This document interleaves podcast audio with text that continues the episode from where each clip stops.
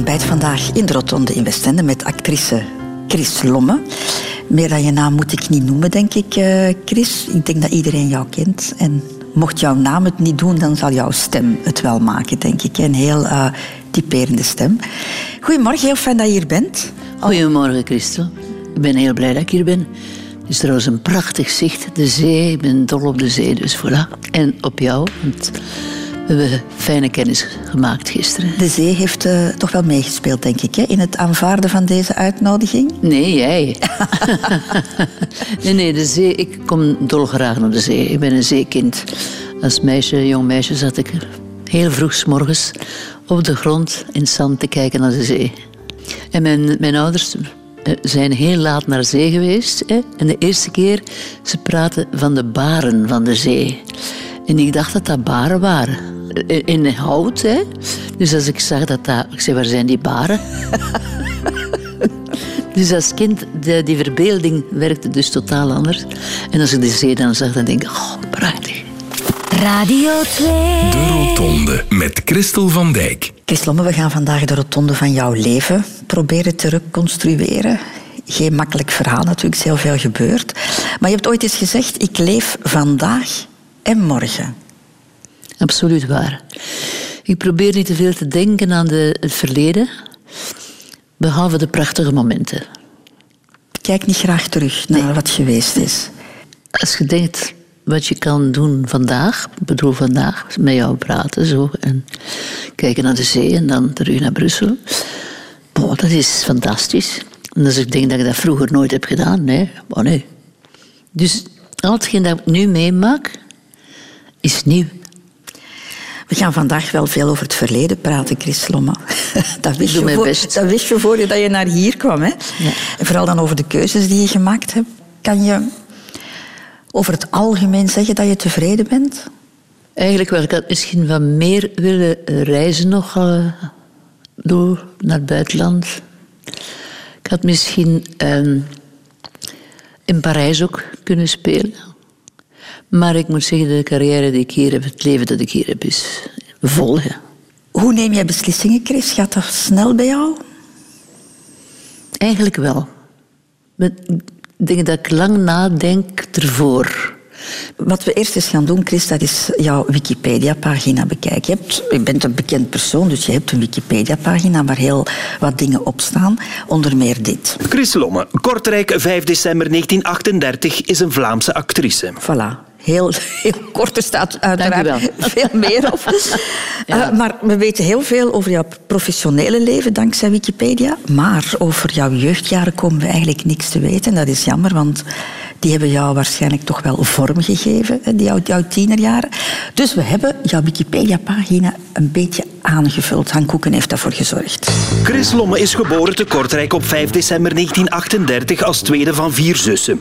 Vader was een Fransman uit Noord-Frankrijk en dat had zo zijn gevolgen ten huize Lomme, weet haar elf jaar jongere zus Fran. Thuis uh, moesten we wel Frans spreken. Hè. Uh, mijn moeder zei, nous sommes des frères flamands, n'est-ce pas, chérie? En als ze thuis geen Frans spraken... Dan moesten we ja, een centje in een pot stoppen. De zusjes Lomme groeiden op in een burgerlijke omgeving waar principes als etiketten, savoir-faire en beleefdheid hoog in het vaandel werden gedragen.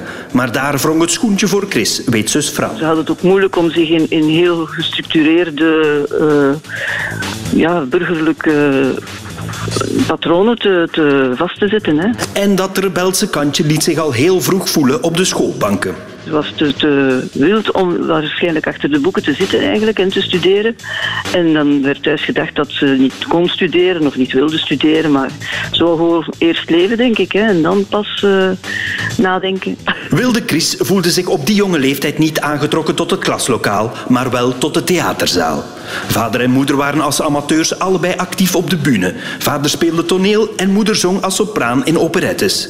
Dat wou Chris ook, maar dan professioneel. Maar dat was onbespreekbaar, verzekert zus Fran. Eerst een, ernstig beroep aanleren en dan pas hè, als, uh, als hobby mocht het dan wel. Iets verbieden is de ideale voedingsbodem voor een rebel om het net wel te doen. Chris trok al op jonge leeftijd de wijde wereld in, getuigt Vieren Fran. Zij, zij speelde ja, tot haar 16 geloof ik, uh, of ja, in Kortrijk. En dan is ze conservatorium gaan doen in Brussel. Hè? Kordate Chris hield zich staande in de grote stad. Meer nog, in 1959 kreeg ze al meteen haar eerste rol op tv in de reeks Schipper naast Mathilde. Beeldregisseur Mita Berger kan zich haar eerste stapjes nog herinneren. Zij kwam binnen als jong meisje. Uh, L'ingénue, zeiden wij, zo de onschuldige, uh, het braaf meisje, lief, vriendelijk voor iedereen. Erg veel van haar acteerkunsten moest Chris toen nog niet tonen, lacht Mita. Ja, tanteken, nee, tanteken en ja, kleine zinnetjes. Dus, uh, maar ze deed het wel allemaal perfect. Haar verschijning op tv deed haar ouders inzien dat er van een serieuze job bij Chris nooit iets in huis zou komen, weet zus Fran. Toen voelden we wel dat Chris meer uh, ja, geaccepteerd werd thuis. Hè? En ja, begon een bepaalde fierheid van de ouders te groeien zo. In 1962 zou Chris dan aan boord worden gehezen als vaste actrice bij de KVS en zou haar carrière een hoge en lange vlucht nemen. En de rest is history. In kort jouw je, je jeugdjaren, Chris. Ja, ja. Een gezin vol etiketten. Wat moet ik mij daarbij voorstellen? Wel, dat heeft zijn positieve kant. Wij leren toch een soort uh, beleefdheid. He? Aan tafel zat je nooit zo. Je moest zo zitten. Niet met je recht. ellebogen aan tafel, He, op tafel. Uh, je moest wachten tot papa en mama begonnen te eten voordat je mocht eten. In het pensionaat groeten moest je ook uh, leren. Uh, in de mis zitten, in de kerk zitten. Nee, uh, mijn moeder was een hele prachtig mooie vrouw. Maar uh, moest juist zijn allemaal. En zij zong. Uh, was een, ik ben bijna geboren op de scène. Is het echt? Echt waar. Ze speelde de lustige weduwe. En ik was, ze was zwanger van mij en de dag daarna ben ik geboren. Dus voorbestemd, het kon niet anders. Ja, maar ik wou ook geen actrice worden. Ik wou alleen vrij zijn. Ik was rebels van kinds af eigenlijk. Die altijd wanneer mocht. Daar gaan we het zo meteen over hebben, Chris. De Rotonde. Radio 2. Radio 2. De eerste afslag in het leven, Chris Lomme, dat is uh, geboren worden. Hè? En de plek waar dat gebeurt is heel belangrijk. Je bent opgegroeid in een familie van uh, Kortrijkse Franstalige bourgeoisie. Was het een, een, goed gezin om groot in te worden? Maar als kind vond ik dat wel, maar mijn ouders waren meestal altijd weg. Uh, mijn, mijn, oudste zus en ik, want mijn jongste zus die je hoorde daarnet, die is geboren veel later, mm -hmm. elf jaar later, met, als tweeling met haar zus Chantal. En uh, wij we zagen onze ouders praktisch nooit. Die waren altijd weg. Ze zijn opgevoed door de meid en de gouvernante. En, uh... Maar mijn vader, die had wel altijd heel veel aandacht voor mij. Maar mama, dat was een gruisje. En heel veel intense warmte was er niet. Nee? Nee. Als, maar daar later wel, maar in het begin niet. Maar wij waren dat gewoon. Dus afwezige ouders? Eigenlijk wel, ja. ja. Moet je toch gemist hebben als kind? Ja, natuurlijk. Want ik de, we hadden een fantastische meid, was dat toen heet, Anaïs. En die ging trouwen en ze werd vervangen. En dat, ik zag die doodgraag. En die werd vervangen door andere meisjes. Ik heb gezorgd dat die allemaal aan de deur vlogen. ja, dan zeg je, dat gaan hier ruzie maken. En, uh... Ja, nee, ik, uh, ik wou mama. Ik wou mijn moeder. Maar ja, god, hoe kan je dat uitleggen? Ik, daarom denk ik daar weinig aan, want ik was niet echt ongelukkig daardoor, dacht ik. Maar ik zag mijn mama niet graag. Omdat ze zoveel weg was? Ja. Maar dat was niet stout, maar nee. Bijvoorbeeld de zondag waren zij in, in een salon apart en wij zaten in de keuken. We mochten niet bij hen zitten. Dat soort verschil was. Maar dat heeft geduurd totdat ik... Uh, mijn zus is, is, direct naar het pensionaat gegaan, ik ook, in, in Doornik. Bij de Ursuline, Les, Les Ursulines was dat. Die, die straat heette Rue des Carmes. En als we er naartoe gingen, was het Rue des Larmes. Als we er waren. En als we terug weggingen naar, naar Kortrijk, was het Rue des Charmes. Dus zo'n soort... Had je het gevoel dat je weggestuurd werd naar dat pensionaat? Ik was daar niet graag. Pensionaat. Ik was altijd... Ik had bloedarmoede. Ik moest dus de stout drinken om tien uur s morgens met een ei. Zo zat als een kanon kwam ik in de les. als kind. Dat was om mij te versterken. En levertraan, als je dat nog kent van naam. En ik had een beugel. Ik was graadmager en ik droeg een bril als kind. Ik had... Denk dat dat een, een uiterlijk vertoon is van niet echt gelukkig te zijn. Maar ik, ik besefte dat niet echt, hoor. Ik was al een stout kind, hè. Van, van wie kreeg je wel affectie, Chris, in die periode? Uh, van mijn zo oudste zus. En van uh, ja, de, de, zusters die er waren. Er was er één. Marie-Angèle, die zag mij heel graag. Maar ik, ja... Ik denk dat ik een zelfstandigheid daar gekweekt heb. Mm -hmm. Nu ben ik veel aanhankelijker dan vroeger. Ik weet niet, een beetje, een beetje een soort wilde bras die denkt, voort kan mij allemaal niet schelen. Maar dat kan u wel schelen. Maar die gevoelens zijn niet zo... Wanneer heb je dat beseft, Chris, dat je eigenlijk weinig warmte en affectie hebt gekregen in jouw jeugdjaren? Als mensen mij dat zeggen, dan denk ik, ja, dat zal wel. Maar ik ben daar niet mee bezig geweest. Nog altijd niet. Maar als je dat niet krijgt, als je dat niet leert wat dat is, kan je dat dan later zelf wel geven? Ik denk dat wel. Juist het contrast, denk ik. Mijn, uh, ik ben een warm type. Ik geef graag warmte aan mensen. En dan, ik heb heel veel vriendinnen die dat weten. Uh, mijn zusje weet dat ook. Ik bedoel, nee, ik heb daar geen gebrek aan daardoor gekregen. Nee. Of je kan het ook gaan overcompenseren in de zin dat je dat daarna overal bent gaan zoeken op de verkeerde... Absoluut. Dus te zeggen, eh, als ik begon verliefd te worden, dan was het altijd extreem. Te passioneel, te, te possessief, dat die jongens wegliepen van mij natuurlijk. Te, te veel willen. Ik was eigenlijk meer verliefd op de liefde dan op die jongens. Verliefd op lief, liefde. Dus ja. Maar om daar echt bij stil te staan, heb ik eigenlijk nooit gedaan toen. Ik leefde er maar op los. Zijn er waarden, Chris, die je hebt meegekregen van thuis en die jou geholpen hebben in, in jouw verdere leven? Ja, de cultuur. Hè. Mijn moeder was een fantastische zangeres en ook een goede pianiste. Een hele intelligente vrouw. En papa, dat was, hij wou advocaat worden, maar door de oorlog. Want hij woonde in Ypres. Hij is wel in Frankrijk geboren, maar hij is in Ypres eigenlijk geboren. Alleen zo tussen de twee. En. Uh, en mijn vader was een en, een en al warmte, dat wel. Maar ik besefte dat niet. Als ik er nu aan denk, denk ik, papa was een warme mens. Mama was koeler. Maar ik denk ook door het feit, ze heeft mij later gezegd, en dat, snap ik dan, uh, ik ben altijd jaloers geweest door het feit dat jij hebt gedaan wat je wou. Zij wou zangeres worden in Parijs studeren met en ze mocht niet van thuis. Ze heeft dat niet gedaan, snap je? Mhm. En dat, heeft, dat werkte bij haar. Denk een soort frustratie. Ja, je kunt dat niet uitleggen, maar dat was een boot even, mijn moeder. Ze heeft daar genen doorgegeven. Maar, dank je. Radio. Radio 2. Over de afslagen van het leven.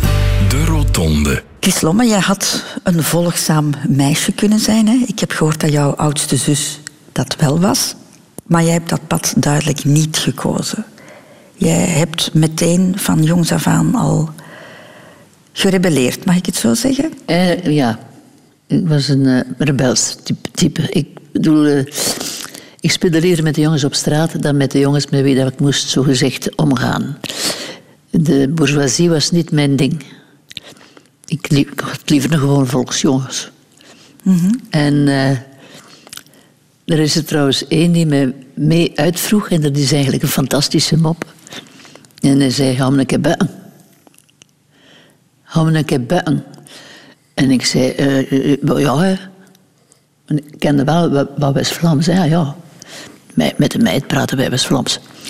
En ik ging mee en mukken, dat is eigenlijk neuken. Hij zette mij tegen de muur. Dat komt van een bok, hè. Zette mij tegen de muur. Ik zei, "Ja, maar dat doe ik niet. Maar hij, hij zei dat hij wilde. Dus dat heb ik met, met die jongens meegemaakt. En dan spelen. En ik was altijd verliefd. Wij hadden fiets, fiets, fietsenzaken. En fietsen langs lange steenstraat achter jongens om rapper te zijn dan zij. Zo, zo, dat soort rebels was altijd van winnen. En de jongens mij laten zien. Dus het leven was te braaf voor jou, thuis, op school ook? Ja, eigenlijk mm, altijd geweest. Nog. Waren er dan veel discussies over thuis? Werd jij beschouwd als een moeilijk meisje? Ja, dat wel. Maar ik was ook moeilijk.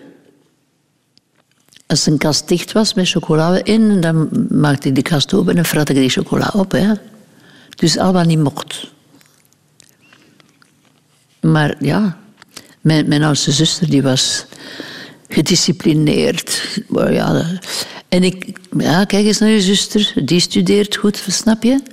Dat was altijd. En Je daarom- altijd vergeleken. ja, dat was die reactie van mij dan.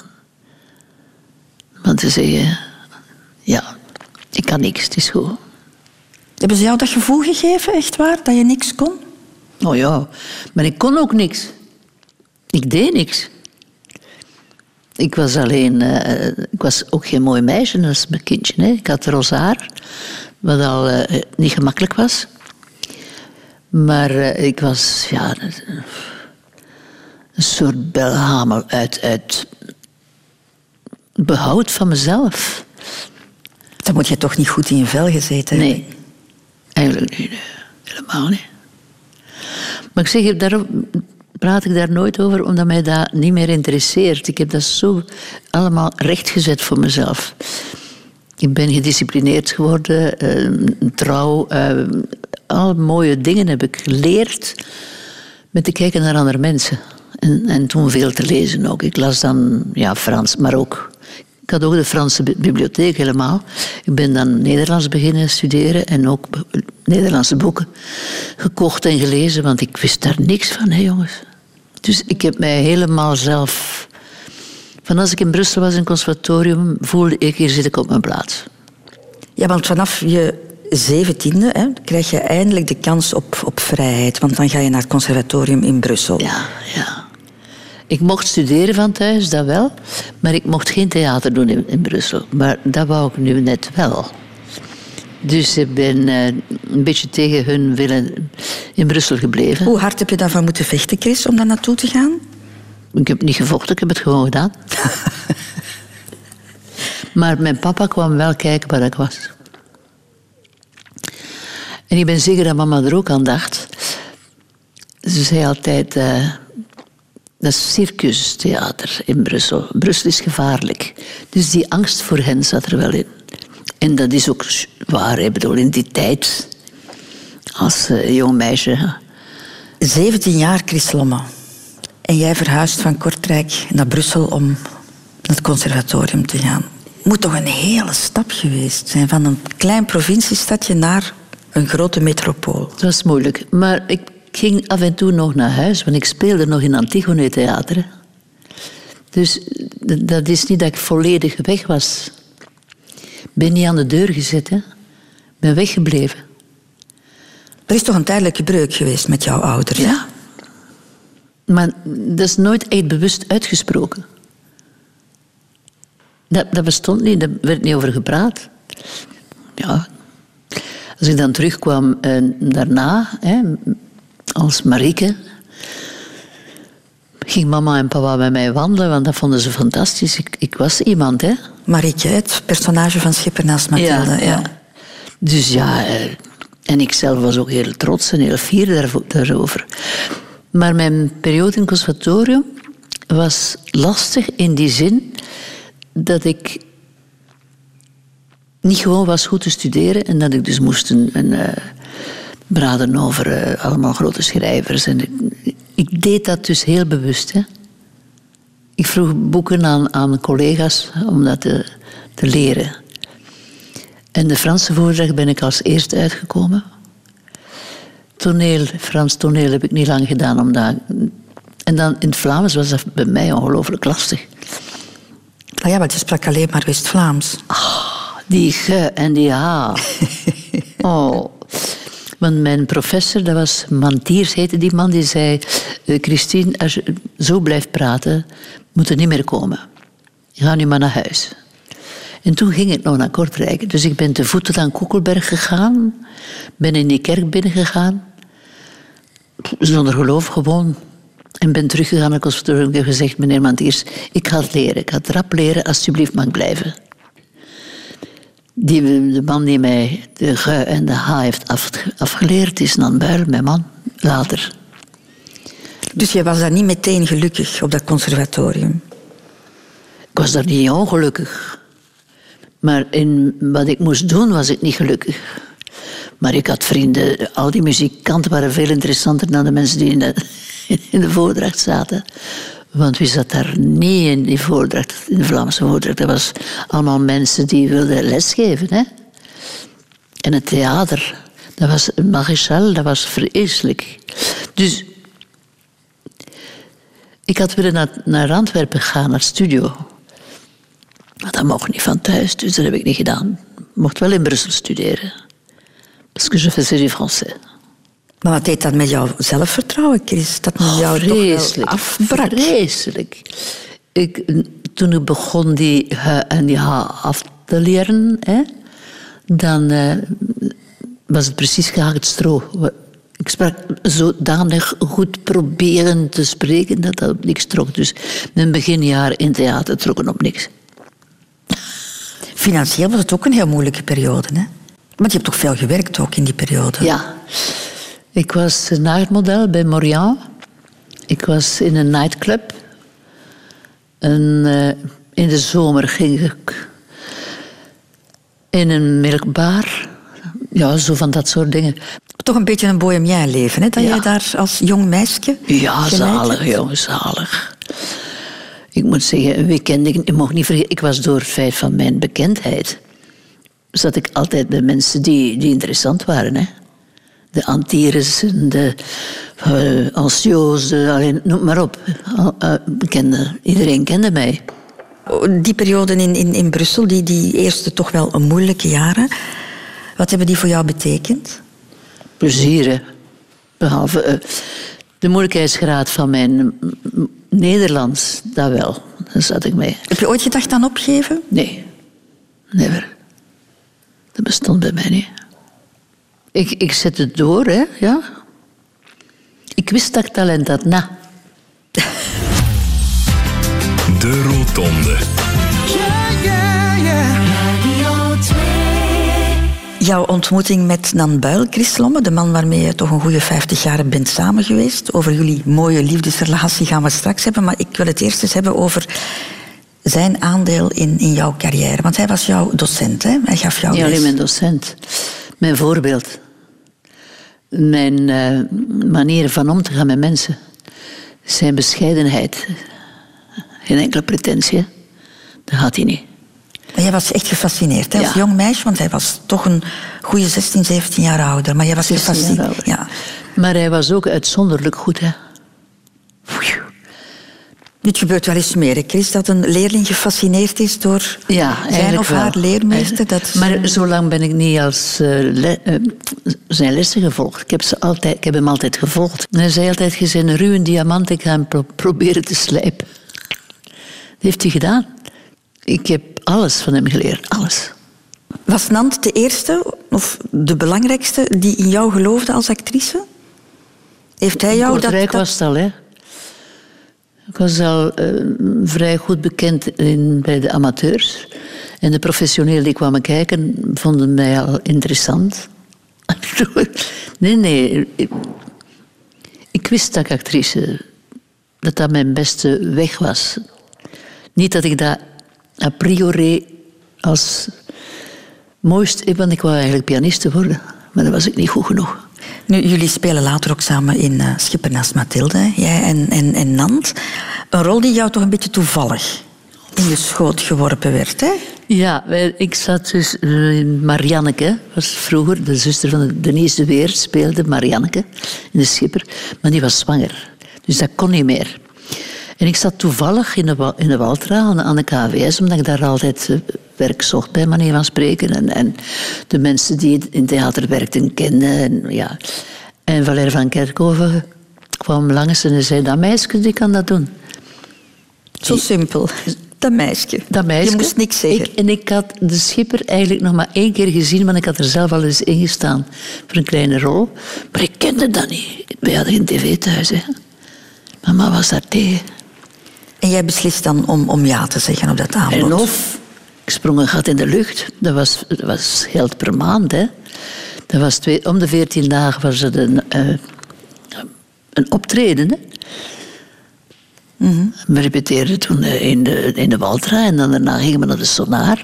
En in het Flaget, ik heb nog live, de eerste schippers zijn live. Hè.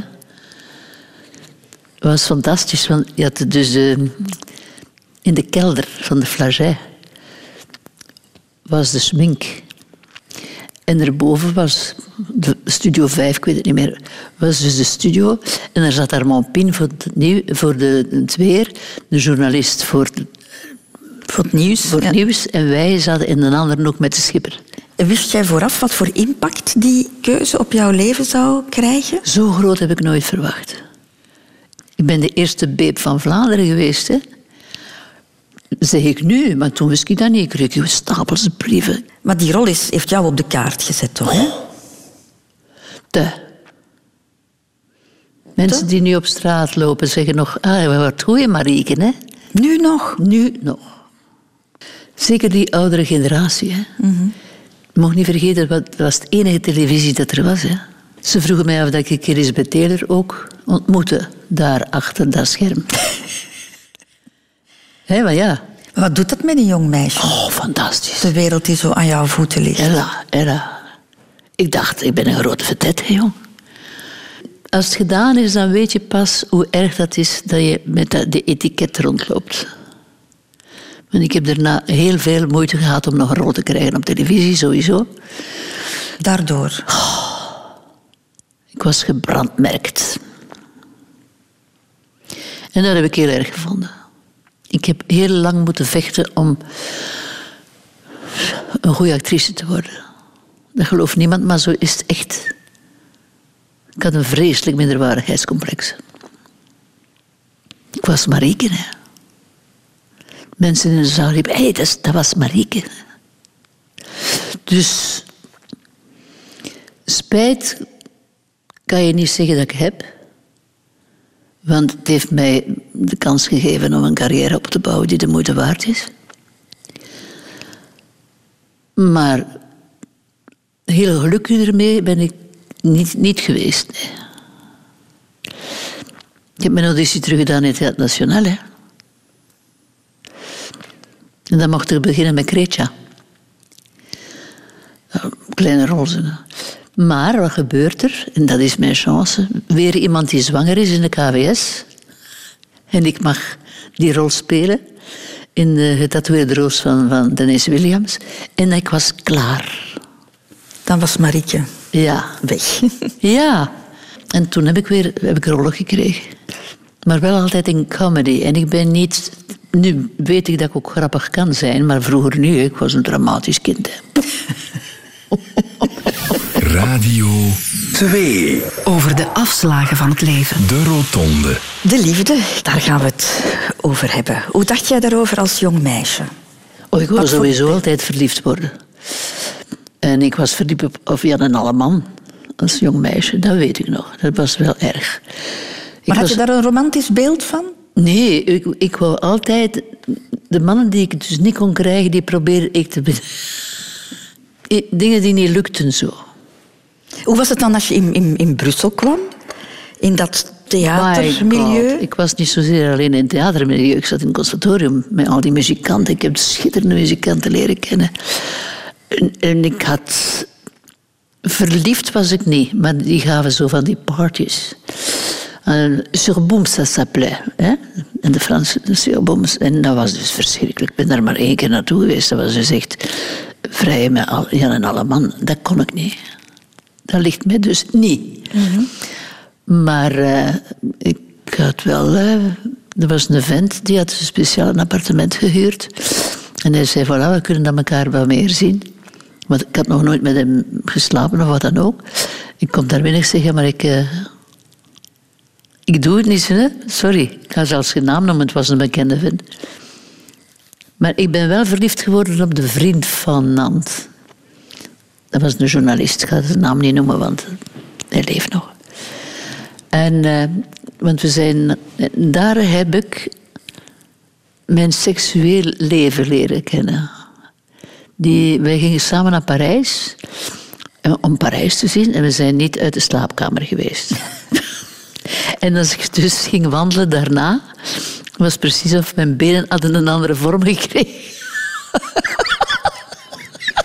dat gevoel van ik ben vrouw. Dat was heel vreemd. Maar die was getrouwd. En dat wil ik ook al niet. Ik heb nooit gewild. Nee. Maar je, was een, een, een belhamel, een beetje een bohem jij ook. Hè? Daar hebben we het uh, daar straks over gehad. Maar op dat gebied was je dan wel redelijk... Gelijk klein... En een zekere schroom toch ja. ook? Ja. ja, een zekere schroom. Zekere... Voor mij moest het juist zijn. De man. En dat juist zijn, dat vond je dan bij Dan Buil, hè? Ja. Geen evidente keuze, Chris. Hij was jouw docent, hij was 16 jaar ouder, had ook al een kind. Wel, wat, hij was... Uh, ik zag hem altijd zitten, ik keek ernaar. En uh, mensen die hem kennen, zeggen allemaal, die heeft triestige ogen.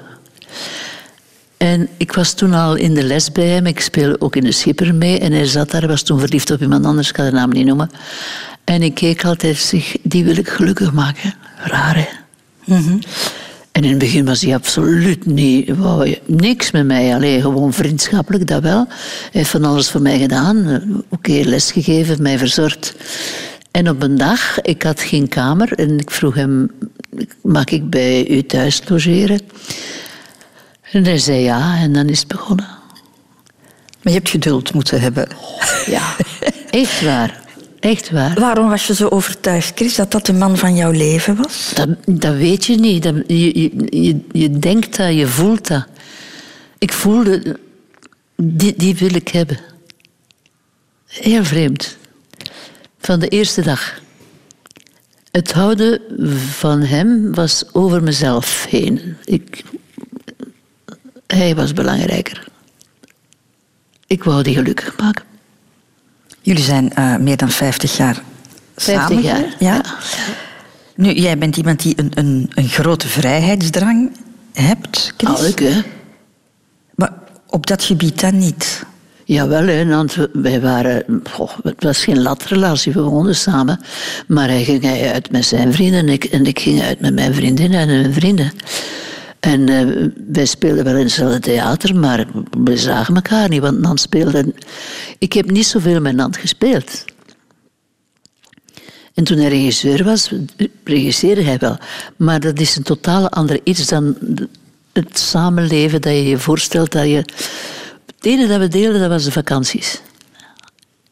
En de plaatsen waar we naartoe gingen. In maar ik koos niet, hij koos altijd. Hè. Daar was ik een beetje en ik wilde altijd een grote tuin.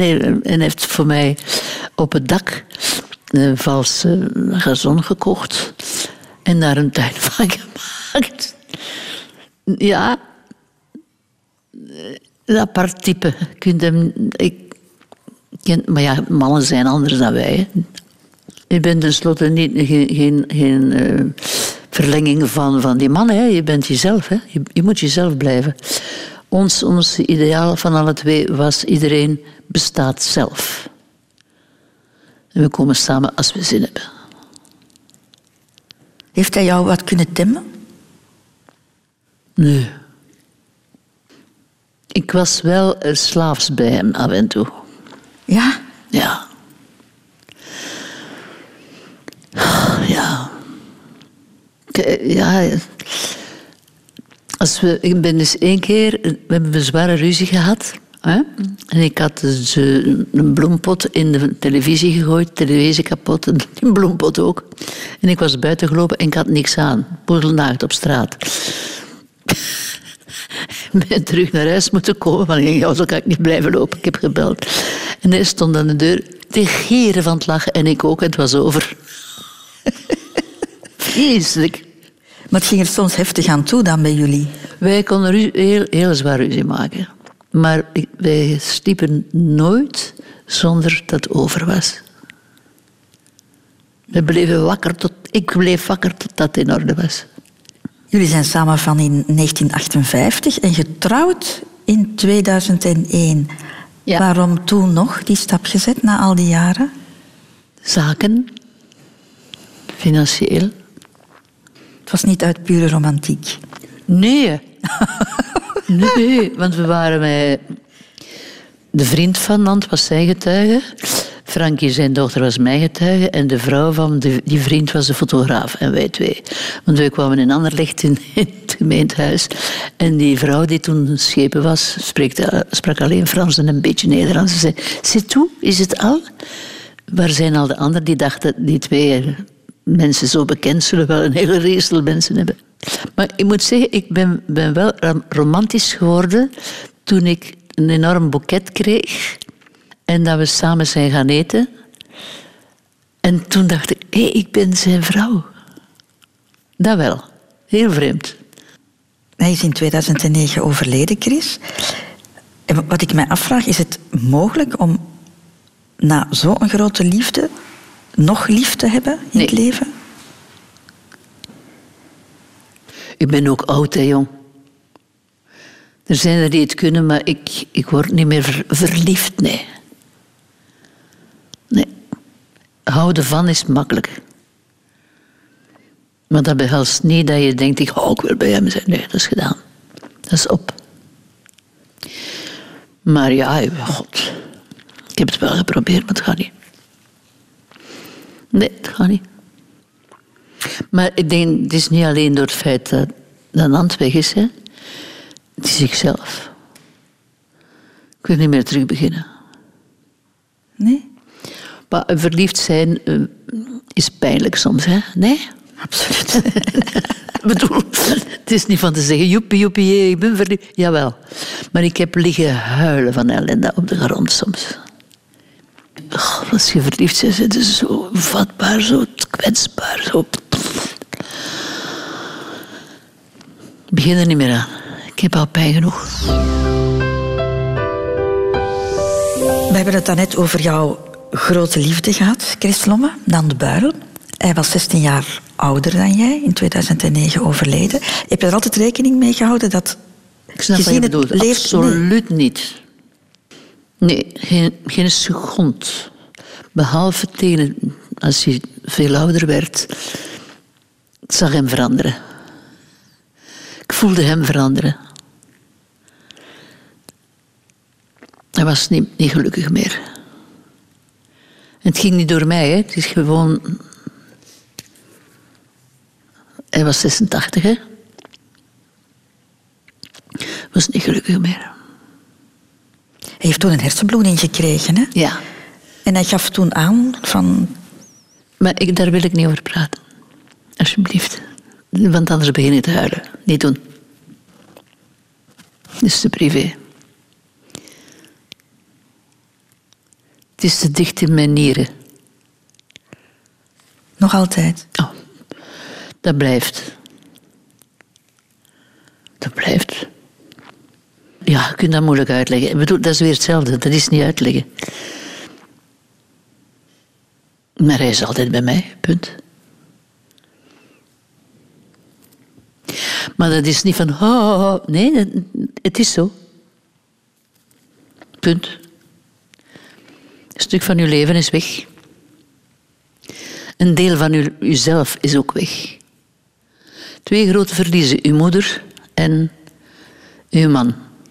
En, en het ergste zijn nog kinderen. Ik denk als je een kind verliest, dat moet vreselijk zijn. Maar ik denk als iemand sterft, waar je van houdt, blijf toch hangen, jong? Nee? Ik vraag, ik vraag me af, zou het gemis draaglijker geweest zijn? Of zou het gemis draaglijker zijn mochten jullie samen kinderen gehad hebben? Nee, die heeft er niks mee te maken. Nee, nee, nee, nee. Echt niet. Zonder. Iedereen vraagt mij altijd, mist jij geen kinderen? Ja, ik mis nu kinderen omdat ik niet kan op reis gaan alleen. Om praktische redenen. De lusten, maar niet de lasten. Ik, ik hou van kinderen, hè. dat is niet. Maar ik, nee, dat is, je mag ook niet vergeten, toen wij begonnen in het theater, toen ik begon in het theater, hetgeen dat wij verdienden, kunnen... Mijn bedoeling was altijd, ik wil niet zoals thuis, ik wil mijn kinderen zelf grootbrengen. En we werkten van negen uur s morgens tot s'avonds elf, hè. Voor een banaal klein loon, hè. We gingen vakanties, uh, series maken, jeugdseries, om, om toch vakantie te hebben. Mm maar ik, ik, vond ook, als ik kinderen heb, wil ik er minstens twee of drie en ze zelf opvoeden. En dat kon niet. Nu kan dat allemaal. Toen kon dat niet. Ja, toen waren de mogelijkheden van crèches en, en onthaalmoeders, dat, dat, was er allemaal niet. Hè? Nee. Plus, eh, we hadden ook we hadden een appartementje, hè. Appartementje, nee, het was groot, maar bon. En dan was ook geen man niet meer om nog een kinder te hebben. En ik heb daar eigenlijk nooit echt lang bij stilgestaan. Het was zo. Heeft die ongewenste zwangerschap op jou achttiende daar ook mee te maken? Tuurlijk. Ja, natuurlijk. Ik vond dat moord, hè. Om die zwangerschap te beëindigen? Ja. En een vreselijk egoïsme ook, hè. Ik ging mijn werk verliezen, ik ging terug naar Kortrijk moeten.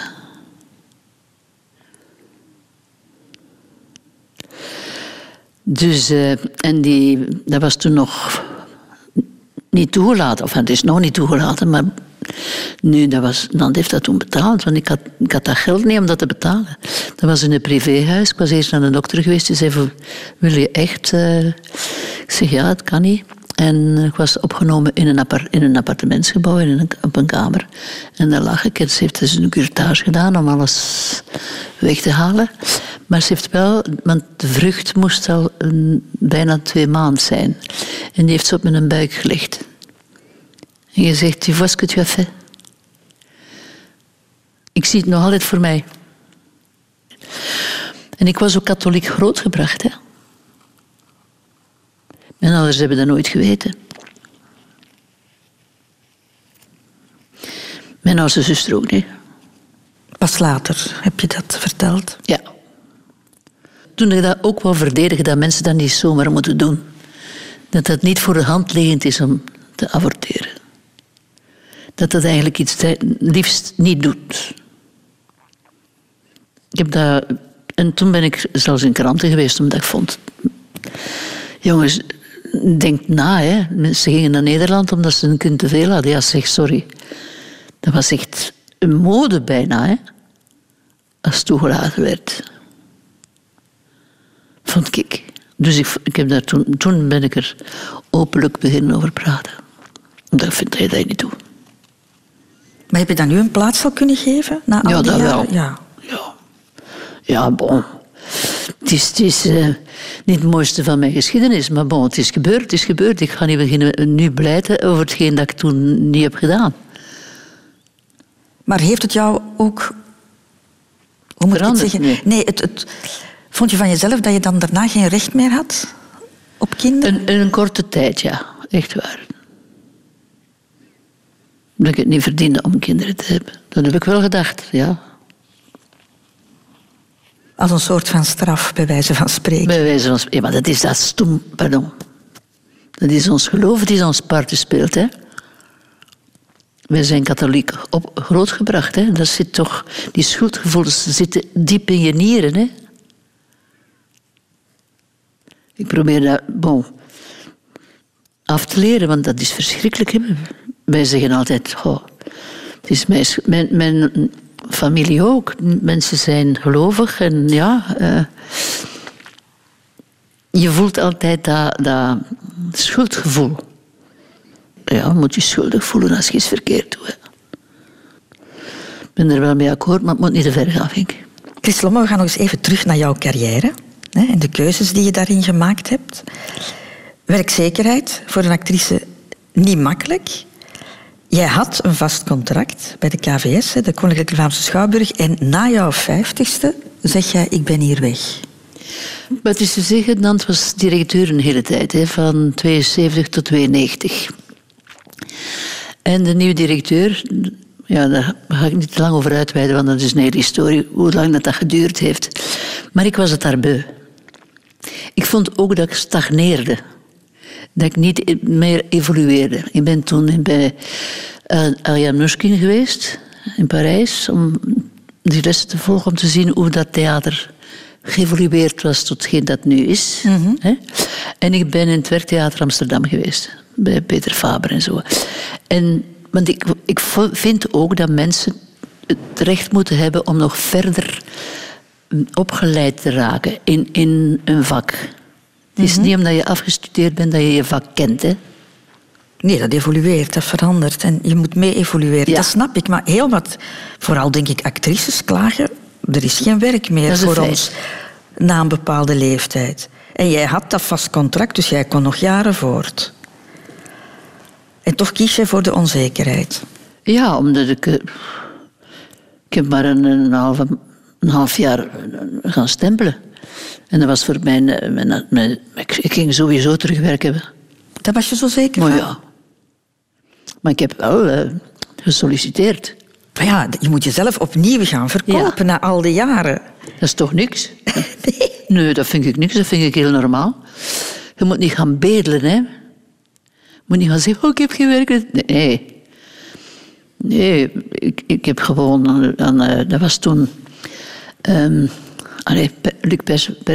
Ik had ermee gefilmd in Nederland. Met Jan de Cler, hij en ik. En ik had daar een fantastisch respect in. Ik heb er mee met hem gespeeld. Het is een van onze mooiste rollen. Hè. Daarmee hebben we honderd keer gespeeld. In zijn regie. En ik zei... Of, of, wil jij iets voor mij maken? Ik wil nog iets doen voordat ik stop. En ik heb het mens daar toen gedaan. Hè. Mens, 77 keer heb ik daar gespeeld. In de vooruit begonnen. En langzaam maar zeker heb ik, ik heb eigenlijk altijd een beetje moeten vechten. Want ik zocht de opportuniteit om met goede regisseurs te werken. En met goede schrijvers. Ik heb dus het grote voorrecht van met Michael de Kok gewerkt te hebben. Met uh, Benno Barnaert, met uh, Stijn de Villet. Ik hield van ons schrijvers. Mm Die smaakten dat nieuw was. Want nu doe ik er weer in met, met Stefan Perceval. Dat is mijn drang van... Vernieuwing is niet alleen als spel, maar ook de teksten. Mhm. Maar dus je stond stevig in je schoenen dan, hè, want je hebt die uitdaging, zal ik maar zeggen, hè, dat risico genomen. Ja. Maar, dan maar ik stond ik niet stevig in mijn schoenen. Nee? Maar niet, want dat kan me niet schillen. Ik ging wel zien, ik ben een, een fataliste. Maar zonder, hè, dit is nooit een drama bij mij. Nee. Had ik geen werk gehad, ging ik misschien frieten verkopen, maar ik en de schipper. ja, maar dat is toch waar. Nu, je durft veel, Chris. Maar er is toch een beslissing die je nooit genomen hebt. En dat is naar Parijs gaan. Want je hebt daar een aanbod gekregen hè? Ja. van een theater. En jij hebt daar nee op gezegd. Vind ik raar. Oh, zeer delicaat. Ik hou niet zo van het Franse theater. Anders had ik Frans theater gedaan. Maar dat jouw internationale doorbraak kunnen zijn. Hè? Moet ik, inter... ik ben internationaal in Vlaanderen. maar fou. Maar Parijs, is dat geen gemiste afslag dan? Nee. Maar ik heb in het Frans gefilmd, hè. Twee keer. Met, eh, hoe heet ze nu weer? Uh, Toute une nuit is de film. Stond ik in. En français, sans aucun probleem. En dan ding is met uh, Sourire. Maar vind je dat je alles uit je carrière hebt gehaald, Chris? Uh, ja, eigenlijk wel. Tuurlijk wil je altijd nog andere dingen, maar dat, dat, dat zal in mijn leven blijven. Ik ben iemand die, die altijd vernieuwingen wil. Vind je dat je genoeg erkenning hebt gekregen ook? Genoeg. Nee, het is nooit genoeg. Je hebt categorieën hè, in de theaterwereld. Je hebt er first category, daar hoor ik niet bij. Ik ben wel in een uithoudingsvermogen in het vak en doorzettingsvermogen en langste carrière ben ik wel de eerste. Nou ja, want je wordt 80. Die Ja. 80ste verjaardag komt er aan, Ja. Chris. En ik ben begonnen als ik 15, 16 jaar was. Dus wat moet ik daarover zeggen? Ik heb eh, iets bijgeleerd door mijn vak. Mensenkennis. Het plezier van al die personages te spelen geeft jou de, een, een kijk op de wereld. Die, je probeert met jezelf te interpreteren, interpreteren, te zeggen wat er staat, maar ondertussen denk je, wie is dat? Als je zo'n vrouw speelt zoals... Ik heb eh Chekhov gespeeld, twee keer. Ik heb Shakespeare gespeeld. Dus al die... Ik heb, mijn, een van mijn mooiste rollen is toch eh, Maria Callas in Gent. De operazangeres. Ja. Dat was bij Jean-Pierre de Dekker. Ik heb dat drie jaar na elkaar gespeeld. Dat is voor mij een van mijn mooiste herinneringen. En nu het laatste, Leni Riefenstahl. Ja, de oorlogs... eh, Ja, het is- ook een uitdaging. Nu, jouw 80ste verjaardag gaat uitgebreid gevierd worden, Chris Lomme. Theatermaker eh, Michel de Kok is een stuk over jou aan het schrijven. Met als werktitel, klopt dat? De laatste dans van de diva? Dat heb ik geweigerd. Nee, nee, hij moet dat wegdoen. Ik wil niet. Het is nu al geworden de laatste dans. Dat is al beter. De Rotonde. Radio 2. Radio 2. De allerlaatste afslag op de rotonde, Chris Lomme, dat is doodgaan. Hè? Die afslag moeten we allemaal nemen. Hoe kijk jij daarnaar? De dood is onafwendbaar. En die kan komen zonder dat je het weet. De ziekte is veel erger. Als je met pijn en ellende moet naar je dood gaan, is veel erger dan de dood die, die komt, wanneer dat ze komt. Maar kijk je er nu anders naar dan toen je pakweg twintig was? God, ik denk onvermijdelijk, maar dat, dat zijn geen grote verschillen. Hè? Ik moet zeggen, door het feit dat ik eh, al jaren mensen begeleid, hè, ben ik er veel mee geconfronteerd. Hè? Ons mooiste was de dood van mijn mama. Hebben wij. Daardoor ben ik eh, verzorgster geworden. Er was een mevrouw, een mevrouw die aan huis kwam om mijn moeder te verzorgen. En die deed dat zo grandioos dat ik zeg, dat wil ik ook. Mijn moeder is eh, weggegaan, ze had terminaal kanker. Vreselijke pijnen. Oh, gruwelijk. En dat is de mooiste souvenir. Ik, heb een mooi souvenir van mijn mama ook. Mama was dus stervende, bij manier van spreken. Ze kon niet meer eten en ze kon niet meer naar het toilet. En ze had pijn als ze geen morfine had. Was vreselijk. En ik ging de zondag... We waren met drie hier in België. En iedere zondag ging er een van ons naar haar. Ze zat in een tehuis, maar ze had een ziekenhuisbed zelfs gekregen daar. En ik bracht een fles champagne mee. Met een, eh, een, eh, batiste zakdoekje. Zo'n heel fijn zakdoekje.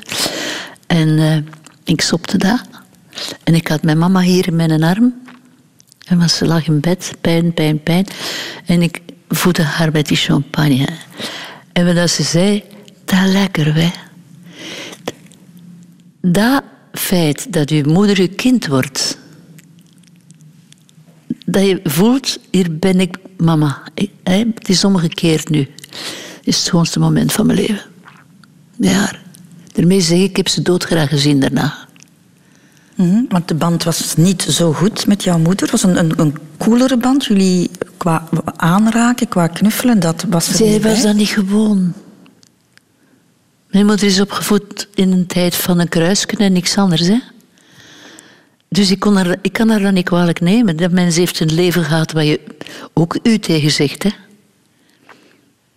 Ja, dan, en, en toen ze zo ziek werd, is die, die stond met haar armen open aan de deur te wachten om mij een zoen te geven.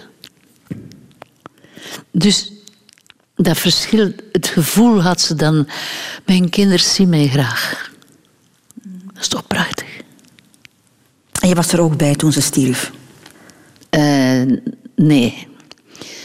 We hebben ze wel naar de laatste slaap. Mijn oudste zus had haar rechterhand vast en ik haar linkerhand. En eh, de dokter heeft haar geholpen om weg te gaan. Hè. Dus wij alle twee stonden, kinderen, te, huilen. Maar we waren bij haar. Mijn jongste zus was er ook, maar die, die, ja, die, die was later gekomen, want die werkte nog. En de dokter die ze hielp was daar. En ik heb denk ik het schoonste gedicht gemaakt dat ik ooit in mijn leven heb gemaakt. Mama, hou nu weg. Tu pars, mais je suis là. Et on sera toujours ensemble. Enfin, zo. Mm Er zijn zo dingen die je nooit vergeet. En door haar ben je nu heel erg met de dood bezig? Want Ja, je, met, met mensen- palliatieve zorg. Ja, maar ik ben niet palliatief. Hè. Ik ben eerste hulp. Hè. Ben, een palliatief is, ja, dat is een term die, die ze gebruiken. Het is palliatief, maar wij hebben dagopvang. Dat wil dus zeggen, wij ehm, ontvangen mensen die ziek zijn, maar die nog buiten kunnen. Als ontspanning bij ons komen. Hè. Want dat is een, alle dagen is er iets. Want nu, donderdag is het, het orkest, het groot orkest, komen eh, muzikanten van het orkest spelen in de namiddag. Dus er is, en ze gaan af en toe eens naar een museum. Ik zing af en toe. En nu ga ik yoga geven. Um, allee, proberen. Maar palliatief is, ja, dat is... eh, mensen bezoeken thuis, maar dat kan ik niet. Want een keer dat je begint met zoiets, dat moet je alle dagen doen. En met mijn vak gaat dat nog niet. Want dan ga ik wel... Het doe ik wel als er zo iemand is die... Ja, ik ga regelmatig naar Kortrijk. Ik zeg niet waarom, maar ik... Ik ben daar niet slecht in. In verzorgen. Ja. Dat is iets dat mij goed ligt. Eigenlijk had ik verpleegster moeten worden. Allee, dat, dat... Iets betekenen voor andere mensen is... Ah, ik beteken wel iets, hè. Ik ben een actrice, dus de zalen zitten vol, dat is ook het een en het ander. Maar dat is niet hetzelfde dan privé, een mens. De mens heeft tekort aan tederheid, aan warmte, aan tactiel, aan, eh, aan babbelen. Mensen hebben daar behoefte aan. En dat probeer jij door Ja. dat werk te geven. Met mijn smile hè, en mijn moppen. Radio Radio Over de afslagen van het leven. De Rotonde. We hebben heel veel over het verleden gepraat. Ik denk dat jouw toekomst simpel is. Spelen, spelen, spelen nog. En leven, leven, leven. En proberen te genieten, te genieten, te genieten. Genieten van de natuur, zoals ik ze nu zie voor mij hier in de Rotonde. Prachtig, prachtige plaats. Ik ga speciaal nog eens naar Westende komen om deze buurt hier te leren kennen, want het is echt de moeite waard. Ik vond het heel fijn ontbijten met jou, Chris. Dank je. Heel boeiend leven gehad. Vooral geleerd dat het niet allemaal eh, roze geur en maneschijn was bij jou. En dat je toch wel heel wat hindernissen hebt eh, moeten overwonnen. Maar kijk, zie hier zitten, hè, ons madame. Dank je wel. Jij bent bedankt. En nog het gastenboek, Chris. De Rotonde. Ik was onzeker voor ik kennis maakte op een zalige manier met Christel, een intens fijne vrouw, Veerle, een ongelooflijke goede kokin en Bart een zalige technieker. Dus eigenlijk was het heel fijn aan zee. Zee met zon. En warme, fijne mensen. Dank jullie en een warme knuffel van Chris Lomme.